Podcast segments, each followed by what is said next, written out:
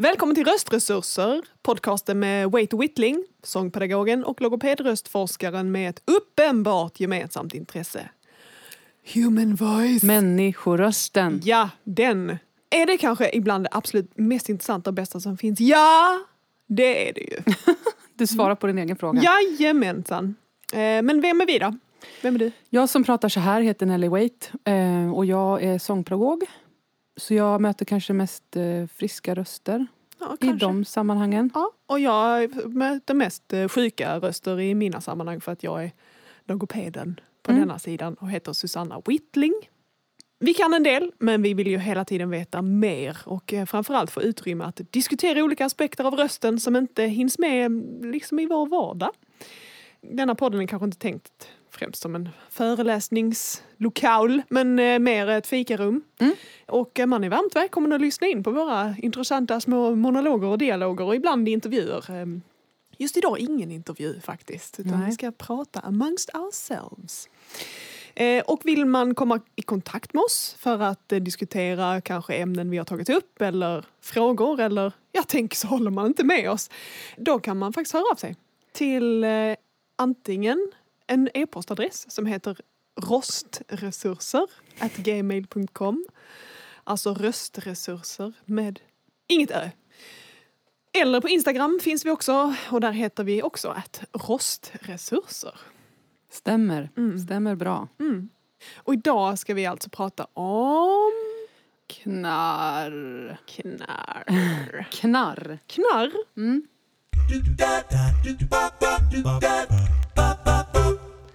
Vi har satt ett litet ehm, övergripande tema eller rubrik för det här eh, ämnet.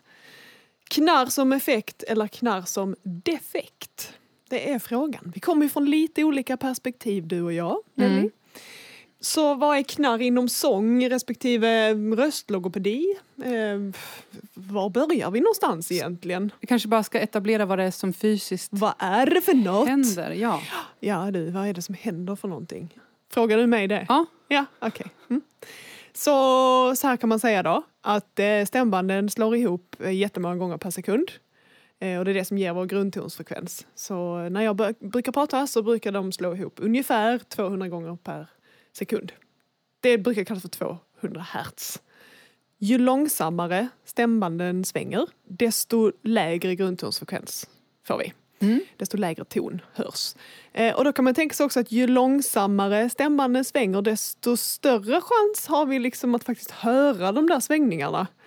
Eh, lite som om man tänker att man tittar på en kolibri som fladdrar förbi med sina små vingar eller en kondor som väl fortfarande är världens största fågel. eller? Man ser vingslagen Mm. på kondoren, det gör man inte på kolibrin. Likaså kan man då höra eh, när stämbanden slår ihop.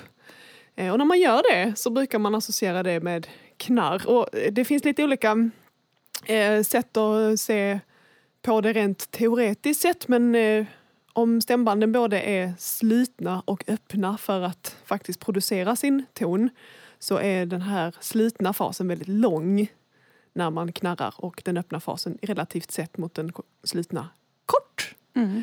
Så man använder rösten och sen har man paus. Nej, det var inte riktigt så jag menade. Utan det är faktiskt det man gör. Men man slår ihop sina stämband, eller håller ihop dem och släpper bara upp små puffar. Och jag läste på också lite grann att eh, det kan vara så att det kanske bara var tredje puls som är sådär förlängd egentligen. Men poängen är att pulserna blir förlängda, förkortade eh, i hastighet, alltså färre per sekund. Mm. Så det var ju världens torraste utläggning om vad knarr är för någonting. Eh, frågan är väl egentligen vad, vad knarr har för funktion, kanske. Ja.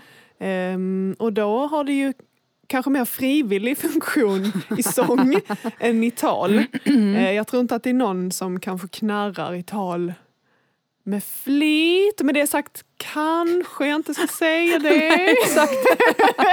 För det kan ju också vara en effekt. Ja, Det är frågan om eh, när det är en effekt och när det är en defekt. Defekt, exakt. enkelt. Jo men det är Mm. det vi är här för att bara samtala om och se vad vi kommer fram Vill till. du veta mer om hur knarr eh, produceras? För mig är det bra tack. Men de, folk kan ju folk kan ju mejla om de vill ha eh, bildstöd och Någon så vidare. kanske tycker så här, men hon sa ingenting om pressat knarr och stödlöst knarr. Säg det då. Ja, okej. Så pressat knarr är, det är mer press då i muskulaturen som för ihop stämbanden och eh, stödlöst knarr då är det mindre. I see. Alltså skillnaden mellan den här typen av knarr som då är lite mer pressat och den här typen av knarr som handlar mer om att man är, inte har så mycket varken luft eller muskelaktivitet igång. Jag Så. förstår. Mm. Färdigt! Ja. ja, eh, I sångvärlden då så eh, förekommer det ju en hel del knarr Aha. beroende på genre. Men då säga. är det med flit. Ja. Eller? det är ju eh, till stor del. En del sjunger ju med knarr till följd av att de har lyssnat på andra människor som sjunger med knarr. Då är det inte säkert att det är medvetet. Är du medveten om att du själv knarrar nu? Ja. Jag tycker att knarr har den Ja. Effekten på mig. Om jag börjar så är det svårt att sluta. Mm. Känner Once du igen det? ja, exakt. Nej, men lite så är det. Om man härmar knarr så Mm. kommer det, smyger det sig in. Mm. Mm. Man faller in. Eh, Jag avbröt dig. Nej men eh, det är ju en effekt i början av en fras, en ansats. Oh baby baby, exempelvis om det är den alla tänker på. Den kunde jag. Ja, exakt. Eller frasavslut, att man bara låter det dö ut liksom. Hur då? Vem, vem gör det? Justin Bieber kanske du vet vem det är? Så pop. Ja, Pop. precis. Ja, Det, Nu, nu kan inte jag mer. bred. det är ju, nej men eh, ska man börja gå in, att gå in i genre det är lite som att gå in i, i ehm, eh, register. Alltså att vi får inte bli för petiga. Men pop är ju liksom, Men du sa register. ja, för det är ju också, det är ett sätt att sjunga där man, om man knarrar så, så uttrycker ju det någonting. Så det en, eh, kan vara en ansats eller det kan vara i en fras eller det kan vara ett frasavslut. Men det är ju också ett register, ett knarrregister. Men så fort vi nämner ordet register så kommer det in som en... Alla får en glasartad blick. och börjar titta på mobilen och börjar fundera på annat. Ja, vi är ju sällan överens. Du och jag generellt. Nej, men eh, någon av oss skulle jag säga. Det beror ju på vilken, lite från vilken skola man kommer. Nu kommer jag in från ett poprock, jazz, afro håll. Och eh, sjunger man klassiskt så håller man ju inte på med knarr. Det ska inte vara med där. Nej, nej, precis, just det. Det Eh, bär ju inte så väl Nej. eh, genom en orkester.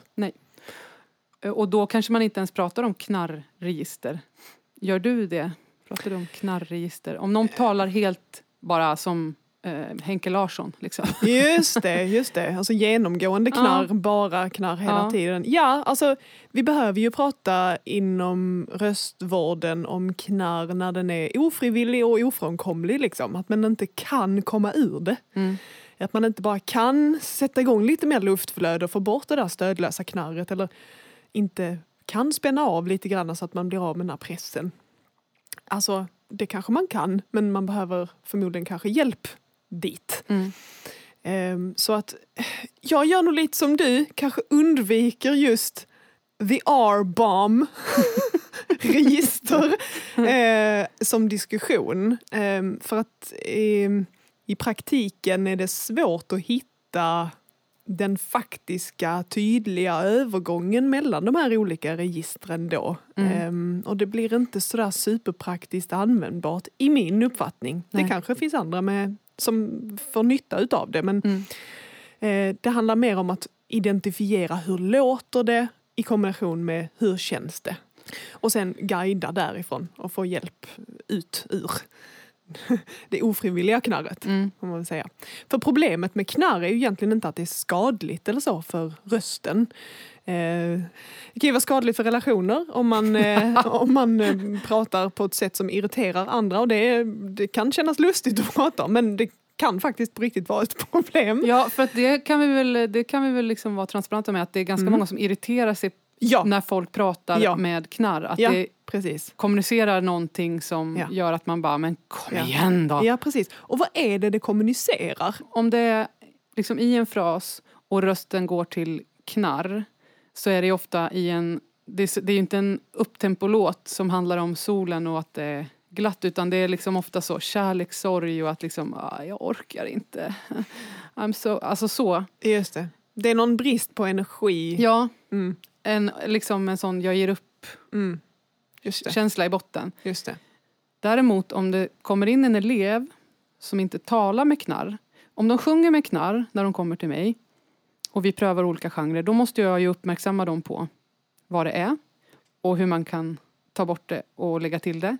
Och när vi sjunger i, i genrer där det ska vara, om vi sjunger en Adele-låt och hon jobbar med knarr, så kan ju vi jobba med knarr för att det är kul. Liksom. Men däremot om det kommer en elev och talar med knarr som inte gör det annars, då kommunicerar det ju någonting annat. Eh, och då skulle jag tänka kanske att eh, hej, hur är läget? Mm. Hur är dagsformen? Då öppnar du med andra frågor Ja, än du hade exakt. gjort om du Och- hade något annat. Och då tänker jag, för det psykologiska där, det hänger ju ihop med någonting orkeslöst där också, eller liksom låg energi eller sorg eller jag vet inte. Det är ju diffust. Men hur är det på ditt håll då? Om de kommer in och, och liksom inte kan ta sig ur sitt knarr, benar ni då i mående också? Alla gånger. Och det gör vi faktiskt alltid. Mm. Ehm, vi har någonting som kallas för eh, ICF-modellen som vi jobbar utifrån rätt så mycket um, inom logopedi generellt sett. Eh, International Classification of Function. eh, bodily function, that is. Så egentligen är det vilken kroppsfunktion som helst kan man utgå ifrån eh, och titta på den här modellen. Och jag tycker om att använda den också för röst för att det innefattar absolut eh, strukturella besvär eventuellt i halsen. Det, det innefattar eh, eh, kontextuella faktorer som när ska man använda rösten, var ska man använda rösten, i, i vilket sammanhang, vad har man för krav på rösten eh, vad är externa faktorer, men vad är interna faktorer också? Vad har jag för krav på mig själv? Eh, vad har jag för mående i botten som faktiskt kan påverka rösten? Och det vet vi att en depression till exempel kommer att påverka rösten i en viss riktning.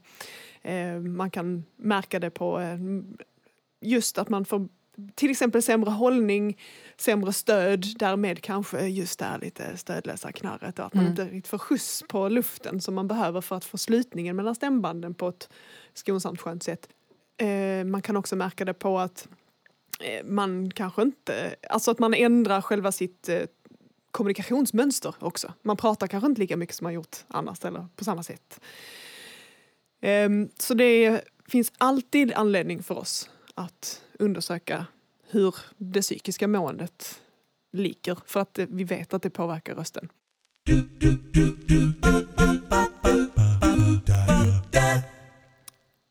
Eh, när jag jobbar med knarr i sångteknik så händer det att om jag har en elev som gärna öser på och sjunger starkt direkt och gillar det så kan det vara ett sätt att hitta minsta möjliga subglottiska tryck om vi uttrycker det så.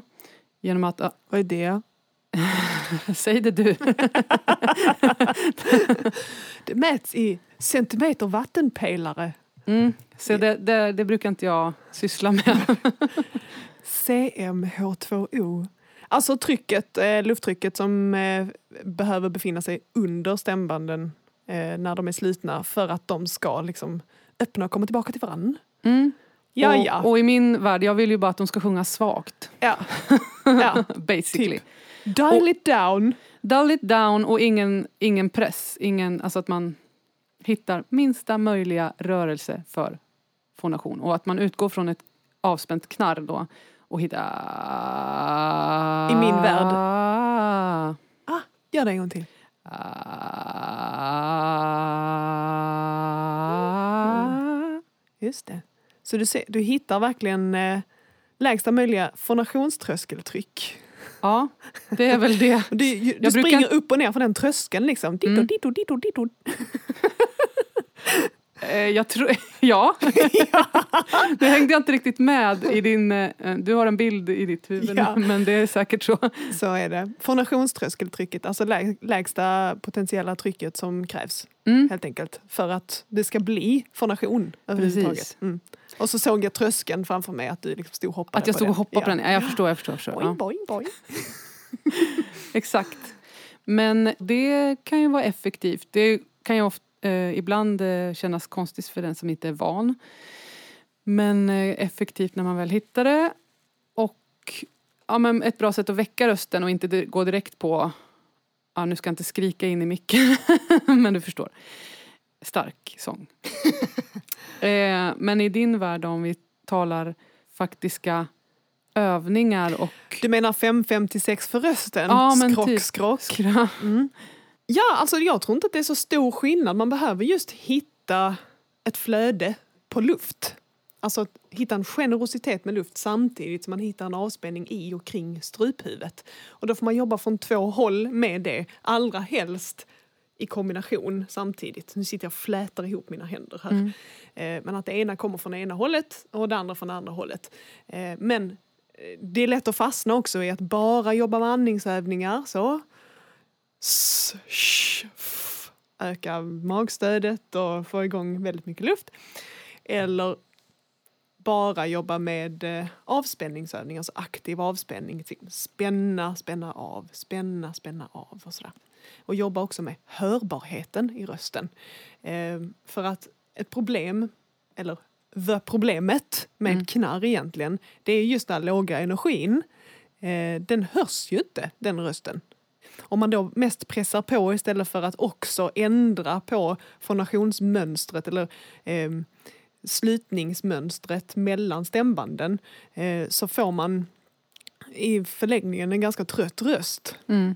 Och då får det sekundärproblemet kanske bli det primära och kanske därför man söker vård överhuvudtaget om man nu har gjort det själv. Eh, Kanske inte orkar med sitt jobb om det är röstkrävande och så vidare.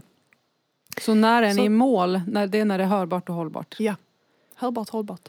That's it. Och framförallt är det inte min bedömning som logoped. Och det kanske känns lite bakvänt men det är faktiskt patientens bedömning som väger allra tyngst. Mm. Jag hjälper patienten att formulera mål som är rimliga och information behövs ju för att veta vad som är rimligt och hur funkar rösten överhuvudtaget och vad kan man göra med den och att man kan det.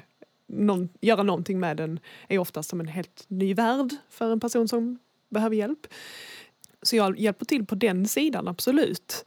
Eh, och berättar vad som är, i min värld, kanske en good enough röst. Vad är en lagom nivå för dig? Mm. Eh, Sen tar inte jag det vidare som klassisk röstkliniker. Men det gör de ju om man jobbar med eh, skådespelare eller eh, radiopratare eller sådär. De måste ju ha en röst som är bättre än good enough. Mm. Men här räcker good enough. Liksom. Eh, och sen gäller det att patienten själv tycker att man har uppnått det målet. Så det gäller verkligen att kartlägga också den subjektiva upplevelsen av rösten. Mm. Sen ska sägas också att jag eh, jobbar ju inte jättemycket med eh, röstklinik och patienter just nu utan forskar på eh, olika patientgrupper inom det området. Så. Jag är också helt medveten om att man blir färgad av det man håller på med. Så att det kanske är att jag inte är helt standard längre. Jag vet inte. När jag tänker på knarr så dyker det upp lite namn. Har du några tal?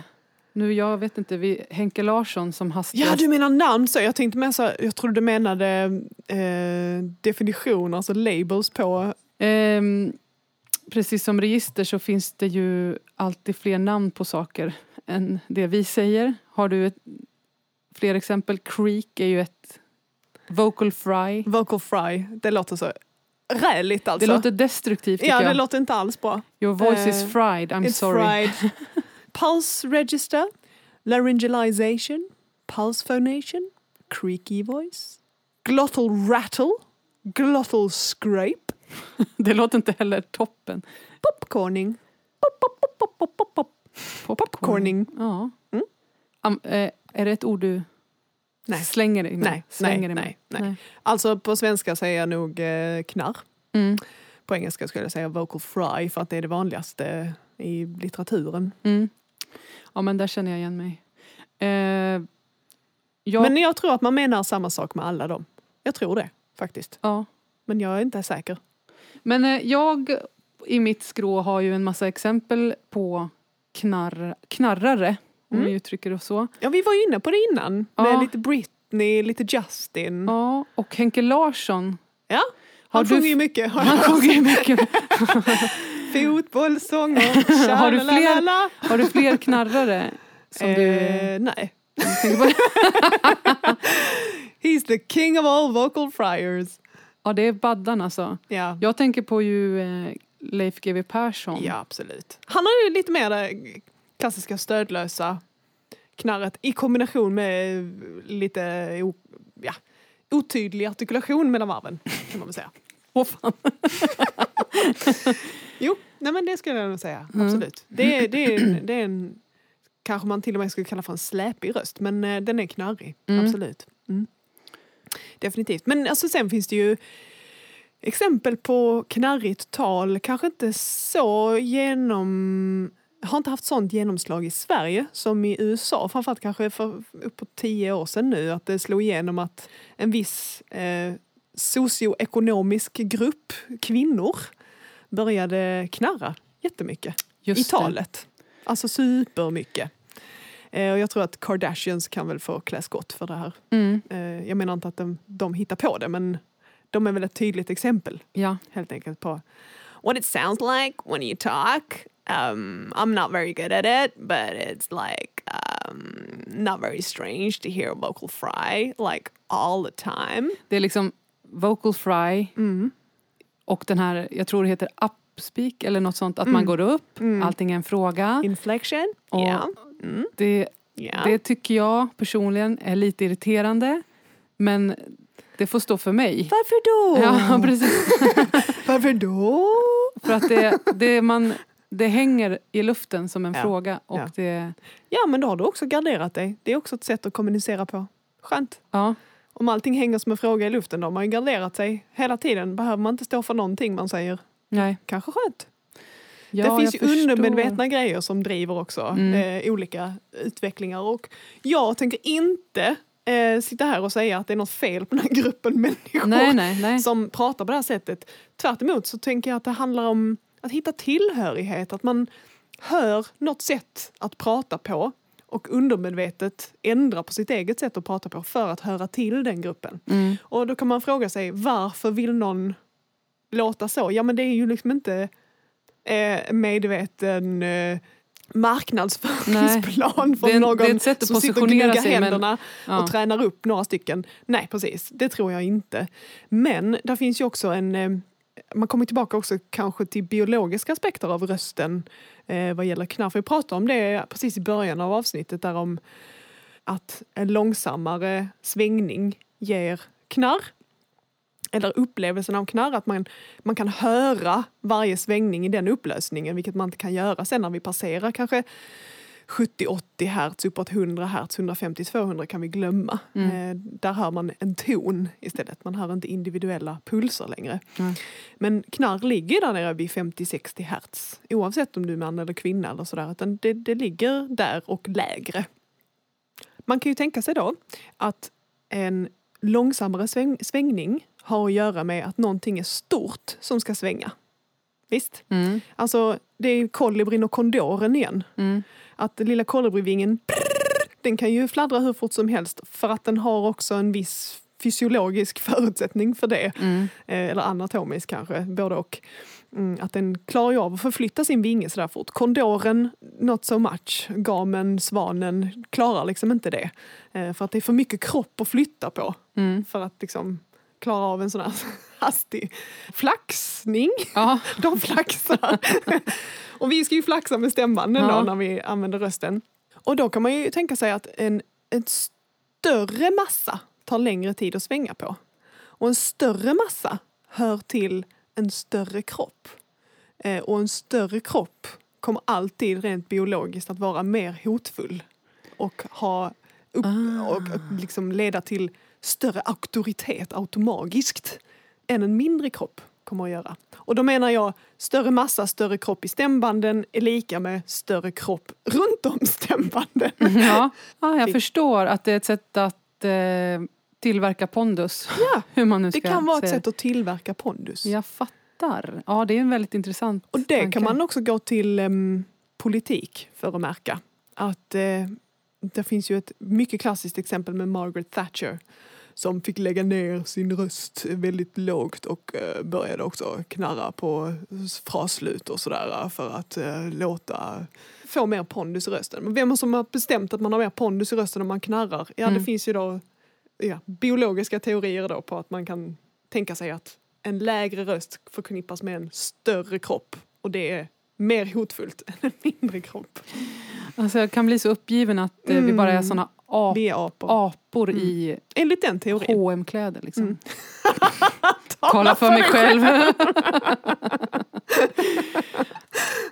Men det är ju superintressant och då kan man ju liksom gå hem själv och reflektera över varför det irriterar en hos Kardashians när de knarrar men inte särskilt mycket när det är Henke Larsson. Nej, eller det gör det väl i och för sig. Mm. men, eh, men alltså, eh, det kan ju vara, ja, ligga någonting manligt kvinnligt i botten också. Mm, Att mm. knarr hos en man kan ge pondus. Men jag tror att det är mindre irriterande också hos Henke Larsson därför att han tillhör inte en grupp som låter så. Nej, just det. Eh, Det är också alltid provocerande om det är en grupp som låter så och jag gör inte det. Varför hör inte jag till den gruppen och så vidare. Och så vidare. Det är när alla En- en fotbollsspelare börjar knarra. eh, Ja, som, exakt. som kommer... En grupp är ju också en större kropp. Man vill alltid tillhöra en grupp vet du. Ja. Det är skitfarligt att inte höra till en grupp. Mm. Du apa med hm kläder det går inte. Okej, men, You, you die. men det är knarr, då kan det vara mm, i sång, det kan signalera, nu bred generalisering, men en ledsamhet eller en eh, uppgivenhet, låg energi, Ja. sorg och så vidare. Sen finns det en aspekt med pondus. Mm. Jag tänkte på en tredje aspekt och det är skräck. Mm. Eh, för jag tänkte när jag satt och bläddrade i, i mitt huvud, vem knarrar, vad har jag för exempel? Då kom jag att tänka på Marilyn Manson. Uh, Okej, do enlighten me. Om du tänker 90-tals... Jag kommer bara ihåg hur han såg ut. Jag vet inte Ja. hur det lät. Nej, men det... Han hade så skitäckliga, läskiga, inte äckliga, obehagliga sådana linser va? Mm. Så att han fick ingen iris. Mm, Åh. på tal om. För hans, det han vill kommunicera är ju någonting, det, det är ju obehag i botten. Eller någonting lite så uncanny valley, vad är det jag har att göra med här? Han, ja, men ögonen och han hade någon sorts androgyn alien kropp och var för många föräldrar eh, i USA otäck, Mm. om man säger. Mm. Sen har det visat sig på, på senare dagar att han, han är en otäcking, men det Mm. behöver vi inte gå in på Nej. hela det hashtag metoo-spåret på honom. Mm, Men mm, mm. om vi tar hans låtar då, hans låtskatt. Då eh, finns det ju en hel del exempel på låtar där han har sjungit in allting med sin sångröst och sen har han lagt ett spår samtidigt som bara går We are stars now som bara är så här i botten. Hela. Som dubblerar hans andra, okej. så med då- bara knarr. Mhm. Så, och, sen, och då tänkte jag, associerar jag även till den här skräckfilmen The Grudge. Mm. Som bara är ett enda långt vidrigt knarr. Usch. Så där har vi en tredje så. Och knarrande dörrar har väl- och, och sådana knarrande gungor. Ja. ja, det är också... Det är något skräck med det. Ja. ja. Men det blir också extra skräck då om han dubblerar sin röstsignal för det är ju också en eh, typiskt onaturlig... Mm.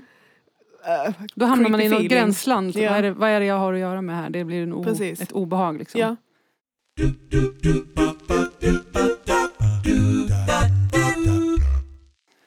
Ehm, skulle vi prata om register? Nej. Det känns som du har något. Ja, alltså det var bara på tal om det här med lite skräck eh, och dubblera sin röst. Då eh, tänkte jag på strupsång. Alltså mongolisk strupsång. Mm. Som väl är en form av övertonssång men både kvinnor och män sjunger ju med så otroligt låg grundton. Mm. Alltså jag, jag vet inte hur de gör. Eh, Nej, jag börjar... nej. Ja, och jag funderar på om de gör det som ett knarr och sen förstärker övertoner. Eh, för det är ju en, en övertonssångteknik Mm, ja. ju väl. Alltså melodin ligger inte i grundtonen, det ligger bara som en bordun Mm. som kompar övertonerna som man sen förstärker med truten Mm. på olika sätt och tungans placering och svalget och så vidare. Du vet, det här är inte, det är inte min vardagssång. Nej, nej eh, ni börjar inte med nej. den övningen. Nej, okej, jag hör dig. Det är inte riktigt din genre. Vi- nej, men jag bara kan ju- funderade på just att då blir det ju inte... Jag tänkte på det här med skräck, att det blir intressant för att det Marilyn Manson vill komma åt, det gör han ju. Och det blir skitobehagligt. Men det känns inte som skräck när det, man hör det där, att de ligger liksom som ett knarrbotten och sen lägger övertoner på det. Nej, nej. Det känns mer som back to my roots om jag lyssnar på något sånt. Att det, det är något väldigt mänskligt som talar till Mm. mig i det. Alltså vi kan ju, vi kan ju, vi lägger ut våran mailadress om vi har någon strupsångare som lyssnar. Snälla hör av dig. Ja, det hade varit så fint. Eh, för där går jag bet, får jag vara transparent med. Ja, jag med. Jag har ingen aning.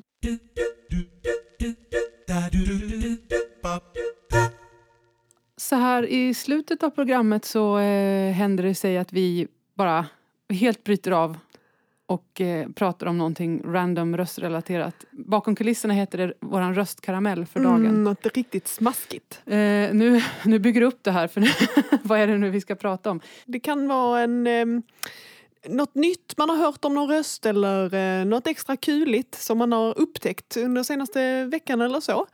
Ehm, Nelly, har du någon röstkaramell att bjuda på idag? Ja, jag har något som jag tyckte hade något. Ja. Vi får se när jag, får se säger, det när jag säger det högt om det håller. Exakt. jo, jag hittade på en, en blogg som heter Ask the Past. Ehm, de bara samlar en massa goda råd från yonder year. Liksom, gamla böcker, gamla råd om olika saker. Och då hittade jag eh, How to sing. Nej, Ett vadå yonder? När, när pratar vi?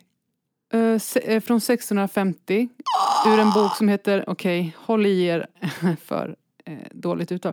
Von der Singkunst oder Manier? Frågetecken. Det är kanske franskt uttal. M-A-N-I-E-R. Manier. Ja. Von der Singkunst. Och det är Christophe Bernard, säger man på mitt uttal. Christophe Bernard. Nej, Mm. ja, något Ja, ja. sånt. Mm. Som har skrivit den boken. Ja. 1650. Wow. Okej, wow. vad har han för, för heta tips då? Tanken svindlar. Så länge sen. Ja. Vad är det vi får... Hur lät röster då? lät vi som dinosaurierna? Wow. Och hur, eh, hur mycket av det som... Okej, vänta, vänta. Backa bandet. Vad sa du? 1600 what i what now? Eh, här kommer ett sångtips från Christophe Bernhard från 1650. Nej, 1650. Mm. Det är vadå, barock tid, typ? Eller någonting sånt. Ja, ja, vi är inte bra på allt. Vi Nej. kan vissa grejer bättre än andra saker. Ja, jag bara tänkte så, men vad har man för musik då? Sådana grejer, du Ja. vet. Barockmusik, är det Bach som håller på eller Jag vad kan- är det? Jag kan ju säga vad han har för råd och så kan du se om du kan eh, placera. Jag kan säga det. Ja, Ja. mm. Mm. Gud vad spännande. Mm, då, är Shoot. det, då är han väl tysk då, men det här är på engelska. Jag tycker ändå du ska bryta på tyska. Nej. Här kommer, det är som en enda lång, jag kommer att behöva pausa för det är eh, bara en Är det- enda lång mening. Det är James Joyce. Eh, Ja. Mm. A singer should not sing through his nose. He must not stammer lest he be incomprehensible. Mm. He must not push with his tongue or lisp. Else one will, will hardly understand half of what he says. He also should not close his teeth together, nor open his mouth too wide, nor stretch his tongue out over his lips. Nor, Lest he should look like a maniac. Håll i dig för Okej. det, det är som att ni talar samma språk. Nor thrust his lips upward, nor dist- distort his mouth, nor disfigure his cheeks and nose like the long-tailed monkey. Nor crumple his eyebrows together, nor wrinkle his forehead, nor roll his head or the eyes therein round and round, nor wink with the same, nor tremble with his lips, etc. Well, Solid advice. solid advice on what freaking not to do. What are you supposed to do? This is advice on singing. This is advice on how, how not to sing. Jag tycker, det, Okej. jag tycker det en... Så det började ju ganska bra där. Ja. Liksom. Du ska inte hålla på med Eh, sjunga genom näsan, du ska Mm. inte stamma, Mm. eh, vilket inte alla kan styra men för, för all del. Eh, Läspa inte. Läspa inte och så det bara, gör inte grimaser. Jag tycker han som- trevar lite för det är liksom inte så mycket om läten mer som bara så här Nej, akta, akta utseende. akta. Ja. Och också, gör inte det här och det här och det här och det här. Vad ska jag göra då? Mm. Hur, ehm, om du då har liksom samlat ihop alla dessa tips, hur låter det när man sjunger så? Nej men eh, inte som en eh, Åh. long-tailed monkey. Jag, jag, det säger inte så mycket. Jag, jag sluter läpparna över tänderna väldigt noggrant så att jag inte flärpar upp och kommer inte ut med tungan. Nej men, eh, merci à vous, monsieur Bernard. Eh, Han var alltså tysk men visst. Åh förlåt, just det. Han var, Dankeschön, eh, herr Bernhard. Vi Eh, tar med oss detta. ja, Detta om detta.